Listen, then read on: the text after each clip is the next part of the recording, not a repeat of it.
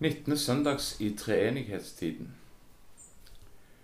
Kommende søndagstekster dreier seg om Guds vilje og vår vilje. Den lutherske kirka i Sverige har troens lydnad som overskrift, medan i Finland har de sett det viktigste i livet som innramming. Et lignende perspektiv har en i Den norske kirka. Den gammeltestamentlige teksten en har på kommende søndag, er 1. Samuel 3, der Herren kaller Samuel. Epistelteksten er teken fra første koni, der den frie mann Paulus gir seg til slave for evangeliets skyld. Evangelieteksten er fra Lukas 9, der Jesus skrev alt og sier La de døde gravlegge de døde, og den som ser seg tilbake, er ikke skikka for Guds rike. Hvordan skal en holde disse tekstene sammen? Jeg vil i denne tekstgjennomgangen peke på to ulike innramminger av tekstene, en moderne og en gammeldags. Det vil jeg gjøre ved å trekke inn den moderne kollektbønna og sammenligne denne med ei 100 år gammel kollektbønn fra akkurat denne søndagen. Dagens bønn heter slik på nynorsk. Hellige Gud, du har skrevet din vilje i hvert et menneske i hjertet. Vi ber deg, gi oss faste i trua på deg, så vi hver dag tar imot den rettferda du gir oss i Sønnen din Jesus Kristus. Vår Herre, Han som med deg og Den hellige ande lever og råder, en sann Gud, fra evig til evig. Denne bønna reflekterer et optimistisk syn på mennesket. Den stoiske lære om at Gud har skrevet lova si i alle hjarta er ramma av bakgrunnen for denne bønna. Den hellige Gud har skrevet viljen inn i mennesket i Arto. og det er på denne bakgrunnen at vi ber Gud om at Han skal gjøre oss faste i trua på Han. Det er en tydelig utvikling av et perspektiv som var framtredende for 100 år siden. Da var det nemlig slik at mennesket først og fremst var syndig. Det heter slik i tekstbok for Den norske kirke fra 1900 Ei bønn som for øvrig òg sto i Jesper Bockmann sin huspostill fra 1638. Herre Gud, himmelske Fader, vi ære all arme, elendige syndere. Din vilje vite vi, men vi ære så skrøpelige at vi ikke kunne fullkomne den. For kjøtt og blod i oss er for sterk. Så vil den onde fiende djevelen ei heller la oss være i fred.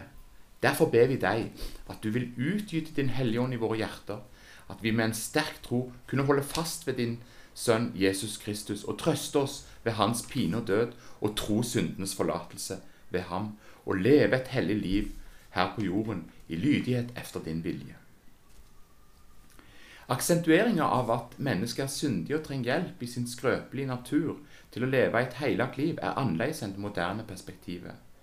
I den moderne bønneversjonen er ikke viljen problematisert, en slår fast at Gud har skrevet viljen sin i hjertet, og ber om ei fast tru og mottaking på denne bakgrunnen. For 100 år siden visste en nok om denne viljen, men den var svak, og djevelen var på lur overalt. En har altså gått fra å forstå mennesket som svakt og utlevert, til ei heroisk forståing om mennesket som et, vilje, som et vesen der Guds vilje bor. Hvordan predikanten stiller seg til det som er det som denne forskyvinga representerer, det vil være avgjørende for arbeidet med tekstene. I den gammeltestamentlige teksten kan en enten identifisere seg med Samuel eller gjøre Samuel til en framand. I teksten hører vi om den vesle gutten Samuel som hører Gud som roper på han om kvelden. Her kan en være moderne og understreke at alle mennesker har evner til å lytte til Guds stemme. De unge har kanskje ei særskilt evne til å lytte når Gud kaller. Tal, Herre, tjeneren din hører. Predikanten kan stadfeste at alle mennesker kan lytte og høre Guds stemme, og kjenne at Guds vilje. Den er jo skriven inn i menneskehjertet. Predikanten kan si til lytterne du kan være en Samuel. Alt er mulig for den som har skrevet Guds lov på hjertet. Men en kan òg være gammeldags og legge vekt på at mennesket er skrøpelig og svakt. Slik den gamle kollektbønna strekker under. Det heter lakonisk i første verset at i de dagene kom det sjeldan ord fra Herren, og av syn var det få. Forfatteren vil understreke at dette var åndelig tørketid. Og Eli, den gamle i tempelet, han forsto ikke hva som hendte før Samuel kom inn til han tredje gangen og sa at noen ropte navnet hans. Samuel blir da en framann. En kan male fram et bilde av mennesker som ikke ser. At de svake øynene til Eli ikke bare dreier seg om hans fysiske syn, men at det representerer et folk som har mista Gud av syne. Da blir Guds kall ikke et rop i fruktbare hager, men et rop i øyemarka. Det skjer ikke på Josedagen, men om natta. Det heter til og med om Samuel, gutten som hadde vært i helligdommen siden Hanna, mor hans, tok han med, at han ennå ikke kjente Herren, at Herrens ord ennå ikke var åpenbæra for ham. Guds kall kan da bli et rop til trøyst for skrøpelige sjeler.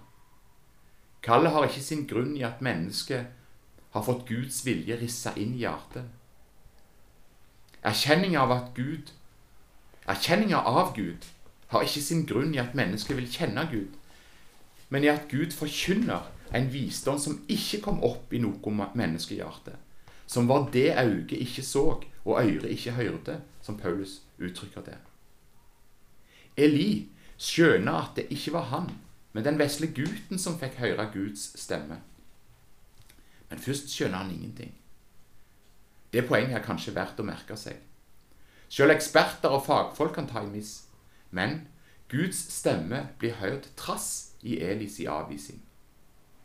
Det er et aspekt ved teksten at Gud roper tre ganger og fremmer sitt verk på tvers av menneskers vilje. I epistelteksten fra første kor 9 skriver Paulus om hvorfor han har valgt bort fridommen sin i bytte mot slaveri. Paulus vil ikke velge bort budskapen sin, men han har blitt en slave for alle, for evangeliets skyld. Dersom vi holder fram med logikken fra den moderne kollektbønna, kan den som skal preike på søndag, holde fram Paulus som et ideal. Som Paulus kan også lytteren gi opp fridommen sin og bli en slave for Kristus.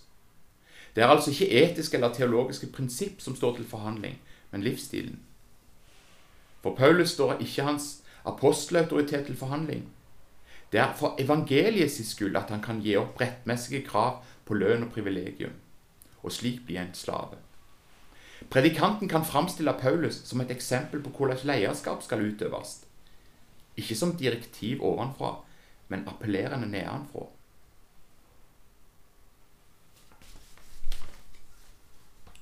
Den moderne predikanten tenker at lytterne kan bli en Paulus og gi avkall på sin fridom. Det er de andre som er de veike. Det er de der ute som trenger lytterne, som trenger oss. Slik kan en predikant oppmode til innsats og tjeneste. Men predikanten på søndag kan også snu perspektivet og bli gammeldags. Da er det lytterne som er de veike.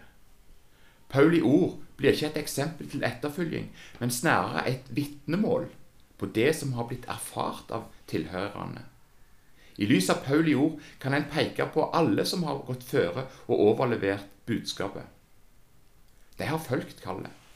Det kan gjøres stort. Guds ord har nådd våre breddegrader og innlemma òg det norske folket i den store kristne fellesskapen for 1000 år siden. Men det kan òg gjøres nært og intimt. Noen har overlevert evangeliet til meg. I evangelieteksten for kommende søndag er både det moderne og gammeldagse innsteget vevd inn i fortellinga. På veien, livsvegen eller vandringsvegen gir en navnløs sin gode intensjon til kjenne. Han kan være for oss en moderne mann. Han har tatt ei klår avgjerd og følger etter Jesus. Han vender seg til Jesus for å fortelle hva han har bestemt seg for. Medan de gikk etter veien, var det en som sa til ham, Jeg vil følge deg hva du så går. Jesus svarer, Revene har hi, og fuglene under himmelen har reir. Men menneskesonen har ikke noe han kan hvile hodet sitt på. Responsen fra Jesus er å peke på hvor usikkert livet med Kristus er. Selv om han er menneskesonen, er de som vil følge Jesus, mer utlevert enn noe dyr. Det fins ikke ei seng, ingen moderlig kjærleik, bare ly, jo Kristus og tilflukt jo Gud. Den entusiastiske mannen som trodde han visste hva han ville, slik som moderne menn ofte veit, nettopp han blir utsatt for ei relativt hard røyndomsorientering. Men Jesus river også den passive lytteren ut av komfortsona. Å være gammeldags og hevde mennesket er veikt, hindrer ikke Jesu tiltale. Jesus blir i den neste dialogen den aktive parten. Han sier til en navnløs mann, 'Følg meg'. Vi leser til slutt. Til en annen sa han, 'Følg meg'. Men mannen svarer, 'Herre, la meg først få gå hjem og gravlegge far min.' Da sa Jesus til han, 'La de døde gravlegge sine døde, men gå du av stad og forkynn Guds rike.' Her kommer det klart fram hva det innebærer å følge Jesus. Det gjelder uavkorta for mennesket, enten de er moderne og har Guds vilje skrevet på hjertet, eller gammeldagse og er veike og store syndere. Enten de er veike eller sterke, blir de møtt av Jesu kall og av Jesu forklaring på hva kallet innebærer.